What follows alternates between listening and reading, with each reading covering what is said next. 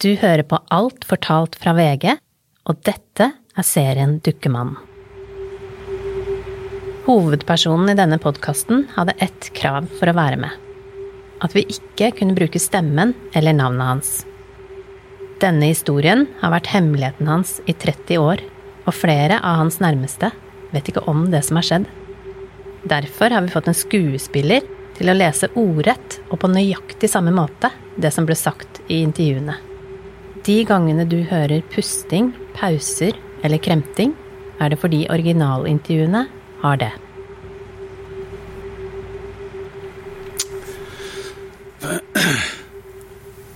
Har du fortalt denne historien før? Nei. Hva tenker du nå? Jeg eh, er redd. For jeg lurer på om folk vil forstå alt det som skjedde. For det er eh, Det er så mye ondskap i det.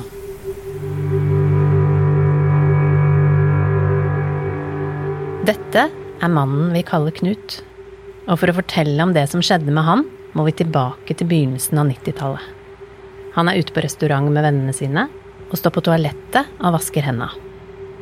Knut er i 30-åra og ser bra ut. Høy, med mørkt hår og veltrent etter å ha løpt milevis i skauen hver uke.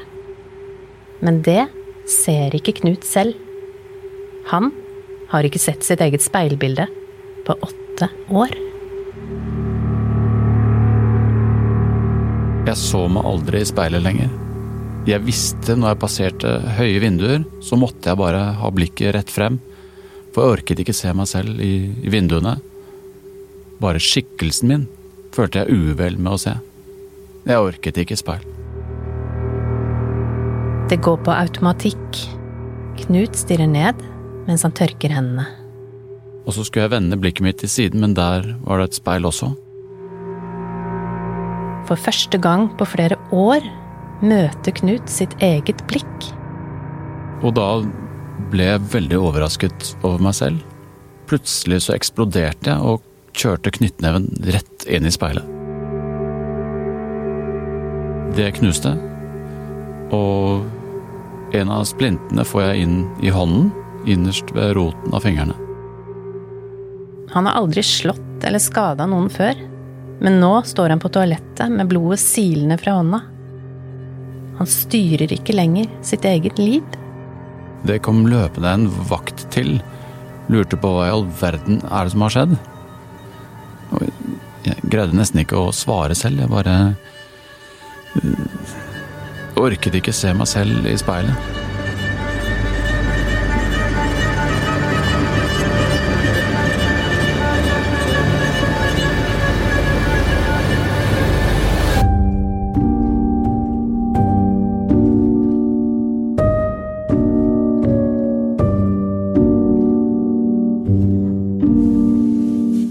Lenge siden at en serieforbryter var aktiv i Norge.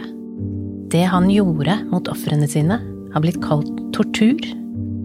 Knut, som står på toalettet og knuser speilet, er et av ofrene hans. Men det forstår han ikke selv ennå. For denne mannen, han manipulerte dem han møtte. Han gikk inn i hodene deres og fikk dem til å gjøre vanvittige ting. I tre tiår holdt han på, og i flere norske byer. Likevel er det få som har hørt om han. For mediene offentliggjorde ikke navnet hans, og ofrene har ikke fortalt hele historien. Før nå. Men de som møtte han, glemmer det aldri. Jeg tror han har vært fascinert av død. Altså mangel på sorg og groteske måter å dø på og skade mennesker på. Da satt han i hjørnet igjen, inne på soverommet vårt. En person da som en på forhånd ikke tenkte i sine villeste fantasi kunne holde på med noe sånt. Det er jo psykopatisk, ikke sant? Ondskap, det villet ondskap. Han var veldig stiv i kroppen, da. blek i ansiktet. Vi oppfattet han som en liten dukkemann.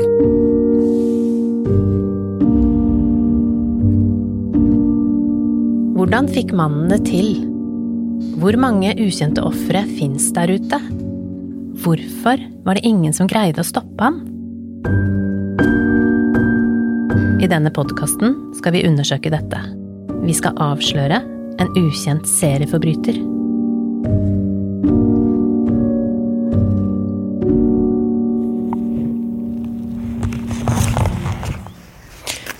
Nå skal jeg opp til Knut og treffe han. Mitt navn er Monica Flatabø, og jeg jobber som journalist i VG. På en mild dag i mars 2020 drar jeg for å møte Knut. Han bor landlig til i et hus med en diger grønn plen utenfor. Hei, hei. Hei. Det er ikke første gang jeg treffer Knut. Allerede før jeg begynte å jobbe med denne saken, visste jeg hvem han var. Vi kjenner mange av de samme folka, men vi hadde aldri hilst før. Det var jeg som spurte om han ville fortelle historien sin, og etter å ha tenkt seg om i flere uker, svarte han ja. For et nydelig vær vi har. Ja.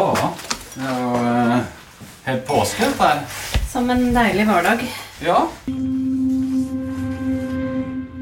Da vi skulle møtes for å gjøre det første intervjuet, sto Knut og ventet på steintrappa utenfor det gamle biblioteket i Oslo sentrum.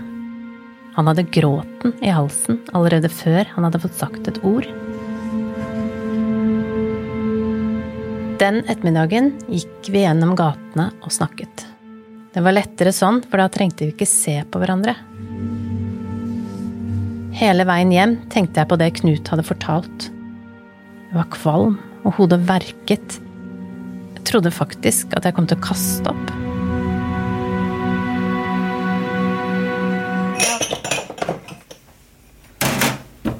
Nå har vi truffet hverandre mange ganger. Vil du ha noe vann eller et eller annet sånt? Det er gjerne litt vann.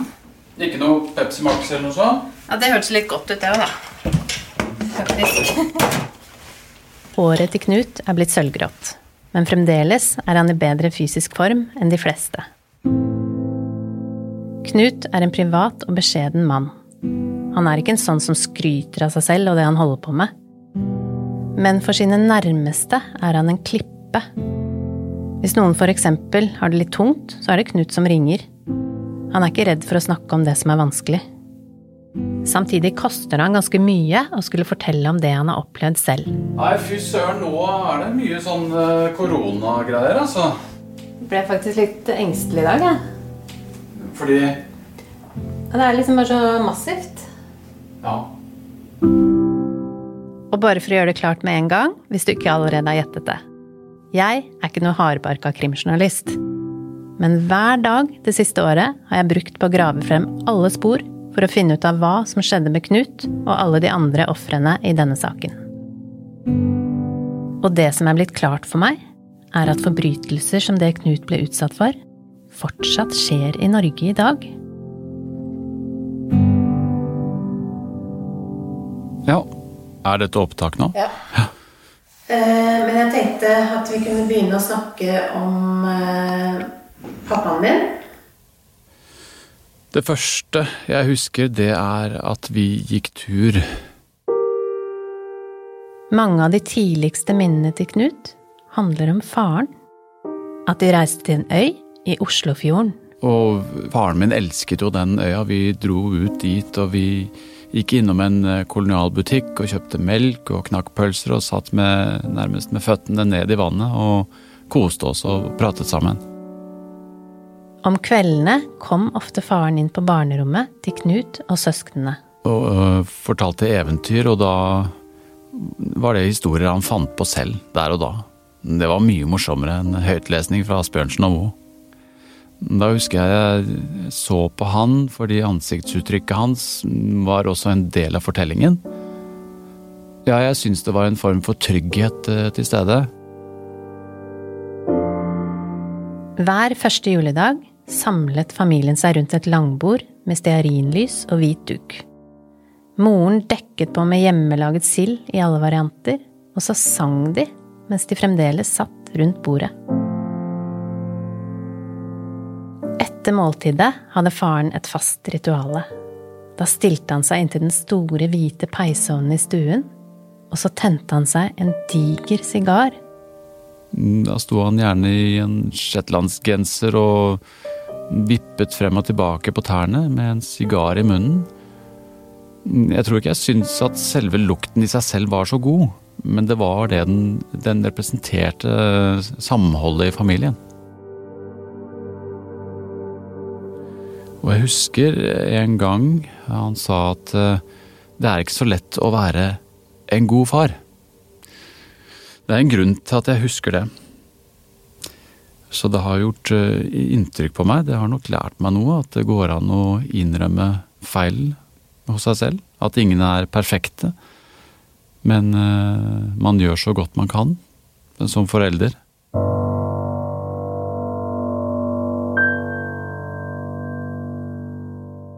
Året er 1980. Knut er i slutten av 20-åra, og han bor for seg selv i en liten leilighet. En natt våkner han av ringeklokka. Før Knut rekker å komme seg bort til døra, ringer det på enda en gang. Tidligere denne kvelden har Knut vært ute med noen kompiser og drukket vin. Da han kom hjem, følte han seg glad og lett. Studiene nærmer seg slutten, og Knut har fått toppkarakter. Borte ved døra svarer Knut på callingen. Og lurer på hvem det er som ringer så sent. Jeg kjente igjen stemmen. Det er en i familien som eh, sto nede og, og sa at faren min var død. Tidligere den kvelden var faren blitt akutt syk og døde på sykehuset. Jeg kjente jeg fikk hjertebank. Men ganske fort så fikk jeg samlet tankene om at her må noe gjøres. Jeg må treffe de andre i familien.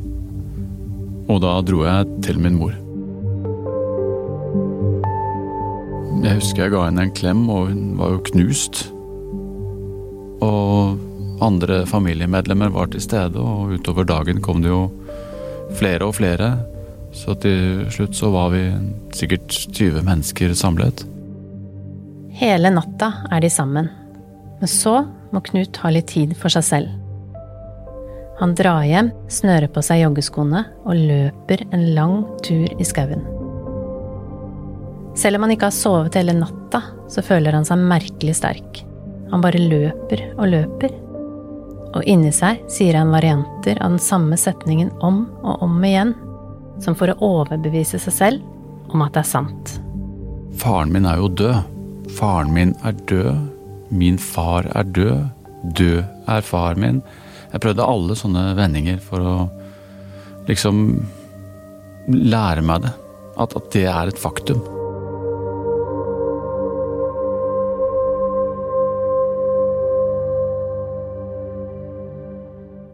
Den dagen faren begraves, sitter Knut på første rad med familien sin. Han har gruet seg til dette. Samtidig kjenner han en merkelig stolthet, for benkene er fulle. For å få plass må folk stå langs veggene. Så jeg satt jo og tenkte du verden for en omgangskrets han har hatt. Da jeg satt i kirken, så husker jeg at jeg, jeg fikk ikke til å gråte ordentlig. Jeg stusset over det selv, at jeg stengte av. Jeg så jo folk rundt meg gråt, og Men eh, det var noe i meg som holdt tilbake gråten.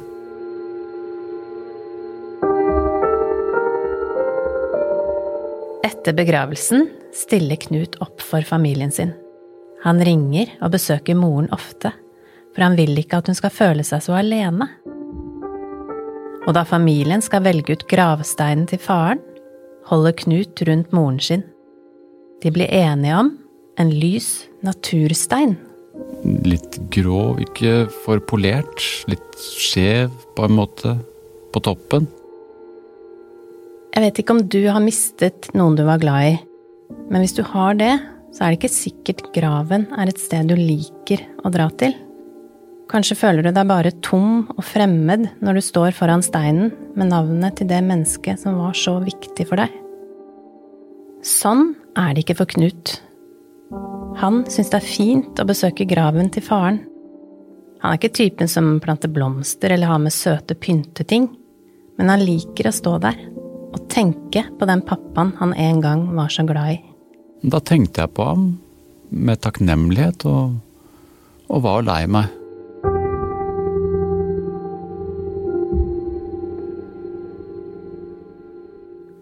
Men noe er galt.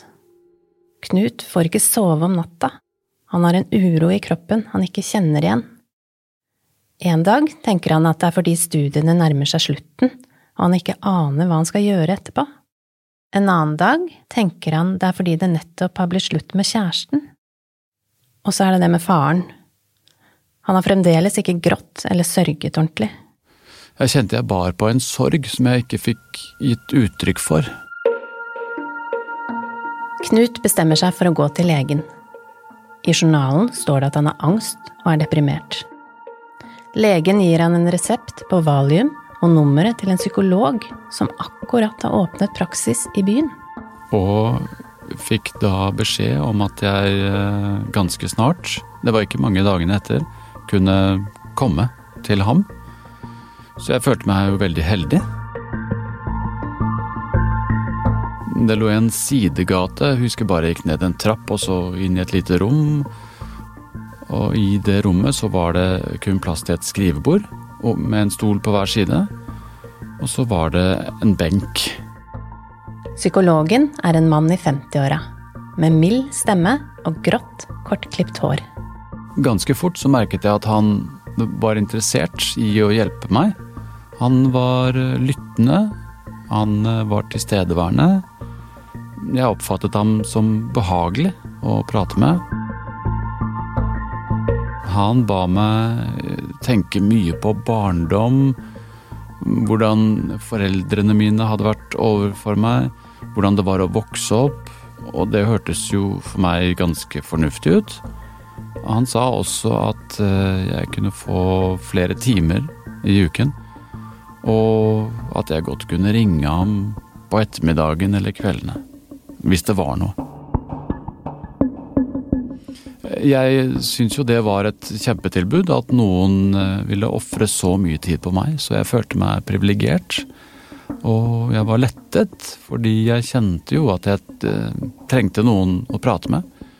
Og jeg var også litt stolt, fordi mange av mine studievenner hadde også gått i terapi, gikk i terapi, så det var litt status også. Jeg husker jeg var litt stolt av det.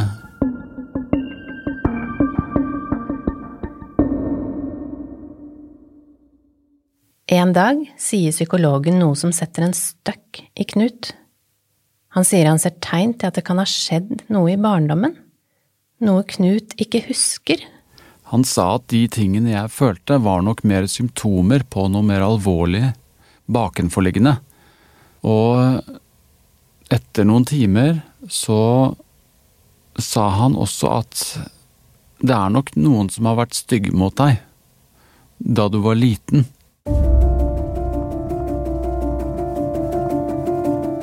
Dette er starten på en ny fase i terapien. Gjennom tre ukentlige timer skal de finne ut av hva som kan ha skjedd. Psykologen mener nemlig at Knut kan ha opplevd noe traumatisk i barndommen som hjernen har fortrengt, men som kroppen og følelsene husker. Dette med glemte minner snakket den østerrikske psykologen Sigmund Freud om også. Han mente at psykiske problemer kan spores tilbake til fortrengte opplevelser i barndommen. Og i psykoanalysen, som Freud fant opp, er det å få hjelp til å huske helt sentralt. Og det er det Knut og psykologen skal sette i gang med nå. Men hvordan gjør de det egentlig? Hvor begynner du når du skal huske noe du ikke har peiling på hva kan være? Han ber meg legge meg på den benken og synke inn i meg selv og reflektere. Ikke noe instruksjoner, eh, noe utover det. Etter timene ber psykologen Knut om å reise hjem, legge seg på sengen og lete etter de glemte minnene hvor jeg måtte være for meg selv for å såkalt kontemplere, som han sa. Hvor jeg bare lå og lette og lette og lette etter spor i barndommen. Hver dag ligger han der, i en time, kanskje to, men det er ingenting som dukker opp. Men psykologen har sett noe i Knut, og det er alvorlig. Ikke bare hadde noen vært stygge mot meg da jeg var liten, men at jeg nok var offer for et uh, seksuelt overgrep. Jeg kunne ikke forstå det. Det er, det er ganske stor avstand fra å komme med problemstillinger som uforløst sorg i forbindelse med dødsfall og usikkerhet for fremtiden, og så plutselig så Ja, Men når en mann av hans kapasitet sier det, så tar jeg det på ramme alvor og, og begynner å lete.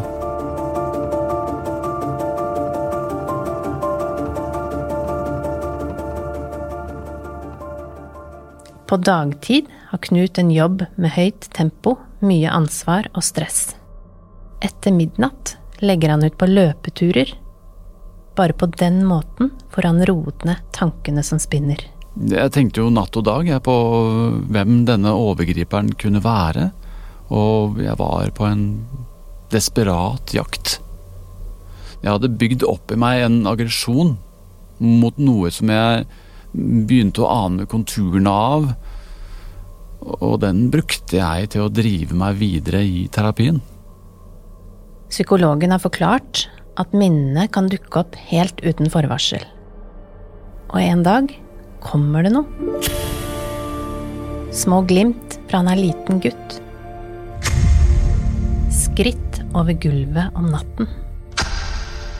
En plutselig redsel for fremmede menn. Knut forstår at noe faktisk må ha skjedd.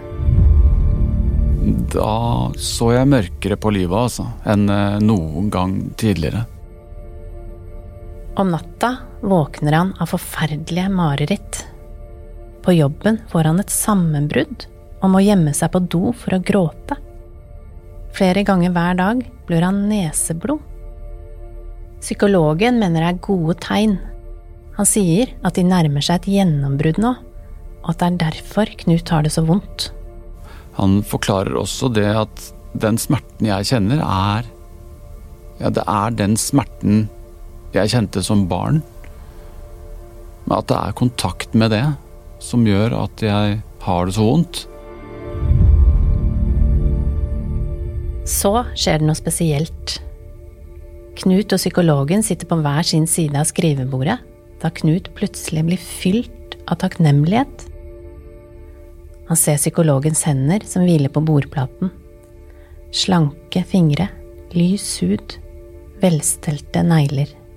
Og jeg husker jeg fikk en spontan lyst til å holde på hendene hans. Knut lener seg fram, griper hendene til psykologen og holder dem fast mellom sine. Og jeg kjente da at det var som å ta på hendene til faren min.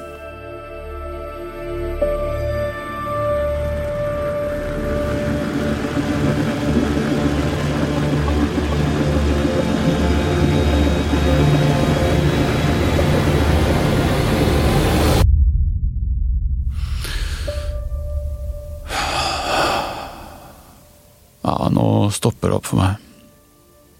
Det er fryktelig vanskelig å snakke om dette her, altså. Det som Knut ikke klarer å si, er at de har kommet ett skritt nærmere gjennombruddet. Etter flere måneder blir det klart at det må være faren til Knut som er overgriperen. Og det førte meg ganske langt ned, altså.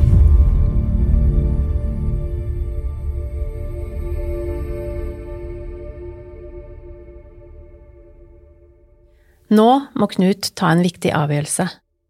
Skal han fortelle familien om det han har funnet ut?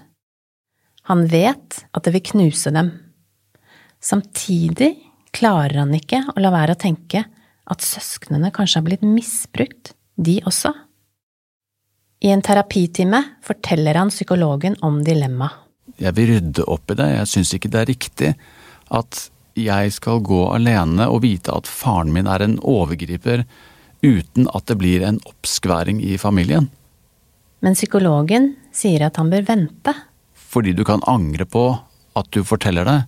Du kan heller vente til du er ferdig med terapien, og vurdere det da. Og det syns jeg hørtes ganske fornuftig ut. Så oppkavet man er, og, og kanskje litt ute av kontroll. Så jeg syns det var fornuftig tale. Men jeg trosset ham, for jeg mente hvis noen er utsatt for sånne ting, så er det best å varsle familie om det. En ettermiddag ber han søsknene om å møtes hos moren. De samler seg rundt kjøkkenbordet. Jeg eh, husker jeg bestilte pizza. Så sitter vi der, og jeg husker eh, min mor sa ja, hva gjelder det? Du skulle jo snakke om noe spesielt, og jeg greide ikke få frem det budskapet jeg egentlig hadde. Det var ganske jævlig. Men jeg holdt en slags maske, og, og De må ha sett på meg at jeg var rar og holdt, men eh, det ble ikke sagt noe. Jeg ble ikke presset mer på dette her. Knut gir ikke opp. Han bestemmer seg for å fortelle dem det én og én isteden, og avtaler å møte søsteren sin. Jeg hadde et eh, et godt, naturlig forhold til henne. Knut og søsteren har vært nære gjennom hele oppveksten. Han vet at hun har slitt en del med depresjon tidligere. De to kan snakke om sånt.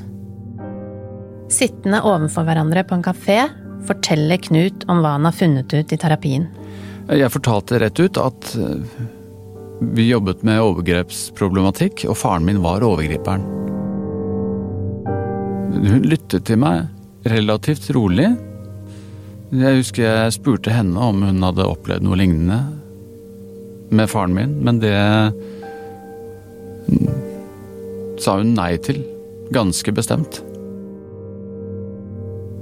Det som skjedde siden med søsteren min, det var at øh, Det er fryktelig dramatisk.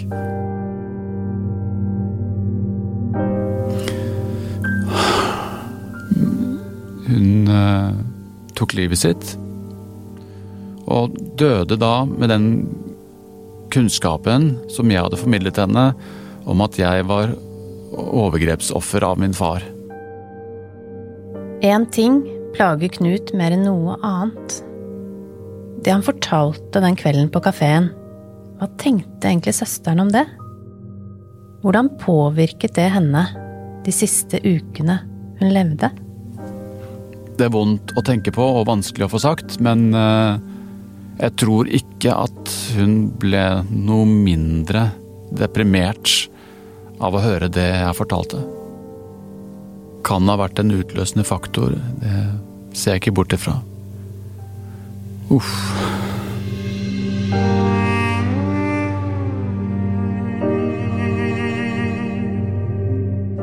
Selvhatet bygger seg opp i Knut. Han klarer ikke se seg selv i speilet lenger. Han kan ikke møte sitt eget blikk. Det førte til en sånn enorm selvforakt. Ja, jeg hatet meg selv, altså. Da søsteren skal bisettes, orker ikke Knut tanken på at hun og faren skal ligge tett sammen der nede i jorda. Jeg vil ikke at hun skal Urnen skal settes ned ved siden av han. Jeg husker jeg hadde, lå hadde våkenetter på grunn av det. I våkenettene fantaserer han om hevn. Han ser for seg de utroligste ting, som at han skal plassere en sprengladning inntil den lyse gravsteinen til faren. Og så skulle jeg på en eller annen måte få fyrt av den og stå og se på. At den gikk til himmels, den stenen. Og så skulle jeg forlate stedet stille og rolig. Knut bestemmer seg for å aldri besøke farens grav igjen.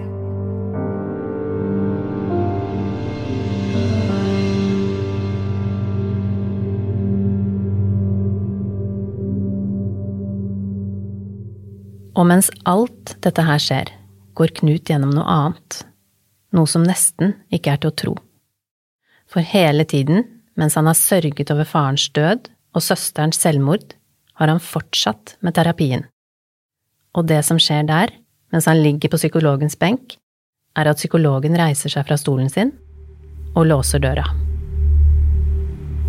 Og så kom han bort, satte seg på kanten og begynte å stryke på meg. Knut kjenner psykologens hender på kroppen. så begynte han å stryke meg på brystet, utenpå skjorten. Han åpner en skjorteknapp og kommer i kontakt med bar hud. Og så begynner han å kjenne meg på brystvortene. Knut merker at psykologens hender glir nedover mot buksesmekken hans. Og jeg hadde armen over øynene mine for å dempe inntrykket. Jeg orket ikke se ham gjøre det.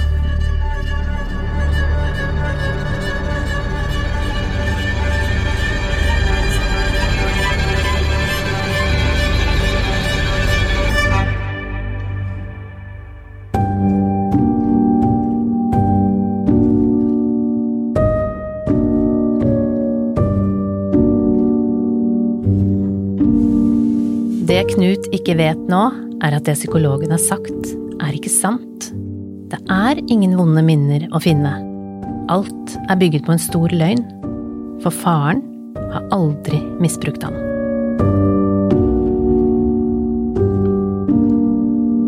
Det er psykologen som er overgriperen. I terapitimene forgriper han seg på Knut. Psykologen har overbevist han om at det er en del av behandlingen. At for å bli frisk må Knut legge seg på benken og lukke øynene. Det har skjedd i flere måneder nå, og Knut er ikke den eneste. Alle ofrene er unge, heterofile og ressurssterke menn. Gjennom et mønster av manipulasjon får psykologen den til å tro og gjøre nesten hva som helst. Psykologen er ikke ukjent for politiet. Han er faktisk dømt for overgrep mot pasienter allerede. Og de neste åra skal han få enda flere dommer. Likevel får han fortsette. For politiet ser aldri på han som en serieforbryter. Og psykologens navn er Sverre Varhaug. Så går han og skyller hendene sine, og så med et fornøyd blikk så sier han at nå holder det med service. Det er noe som av en eller annen merkelig grunn han sier hver gang. Varhaug kaller det service.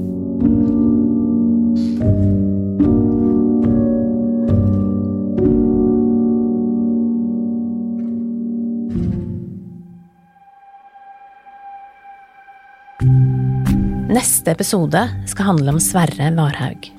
Hvem var han? Hvordan ble han en serieovergriper? Og hvordan klarte han å manipulere mennesker til å gjøre akkurat som han ville? Og så var han veldig nysgjerrig på hvordan de homofile gjenkjente hverandre. Det snakket han mye om. Hvis han, eh, sjefpsykologen visste til å sin virksomhet, så er det opptil flere som vil begå selvmord i distriktet. Familien mente han var en selvskreven til å bli prest, men livet tok en annen utvikling.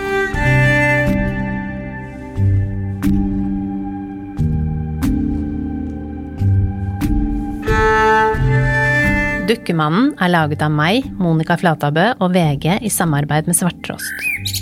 Etter å ha jobba med dette, så tror jeg at det er flere ofre der ute. Hvis du vet noe om denne saken, så vil jeg gjerne høre fra deg. Så vi har satt opp et telefonnummer der du når som helst kan legge igjen en beskjed. Nummeret er 936 85 275. Og du kan også sende oss en e-post på dukkemannen at vg.no. Produsent og lyddesign av Sindre Leganger. Dramaturg er Benjamin Ree, og konsulent er Kristine Hellesland. Sluttmiks ved Ronny Furuvik. Reportasjeledere er Svein Kjølberg, Synnøve Aasebø og Anders Schot Knutsen. Og redaktør er Gard Steiro. Knuts sitater leses av Kristoffer Steib, og er ordrett det samme som Knut har fortalt i intervjuer med meg. Opplysningene i serien er også basert på dommer, sakkyndigrapporter, journaler fra sykehuset og avhør. Og Knut er ikke hans virkelige navn. Søsknene til Knut er informert om at han forteller historien sin i denne podkasten.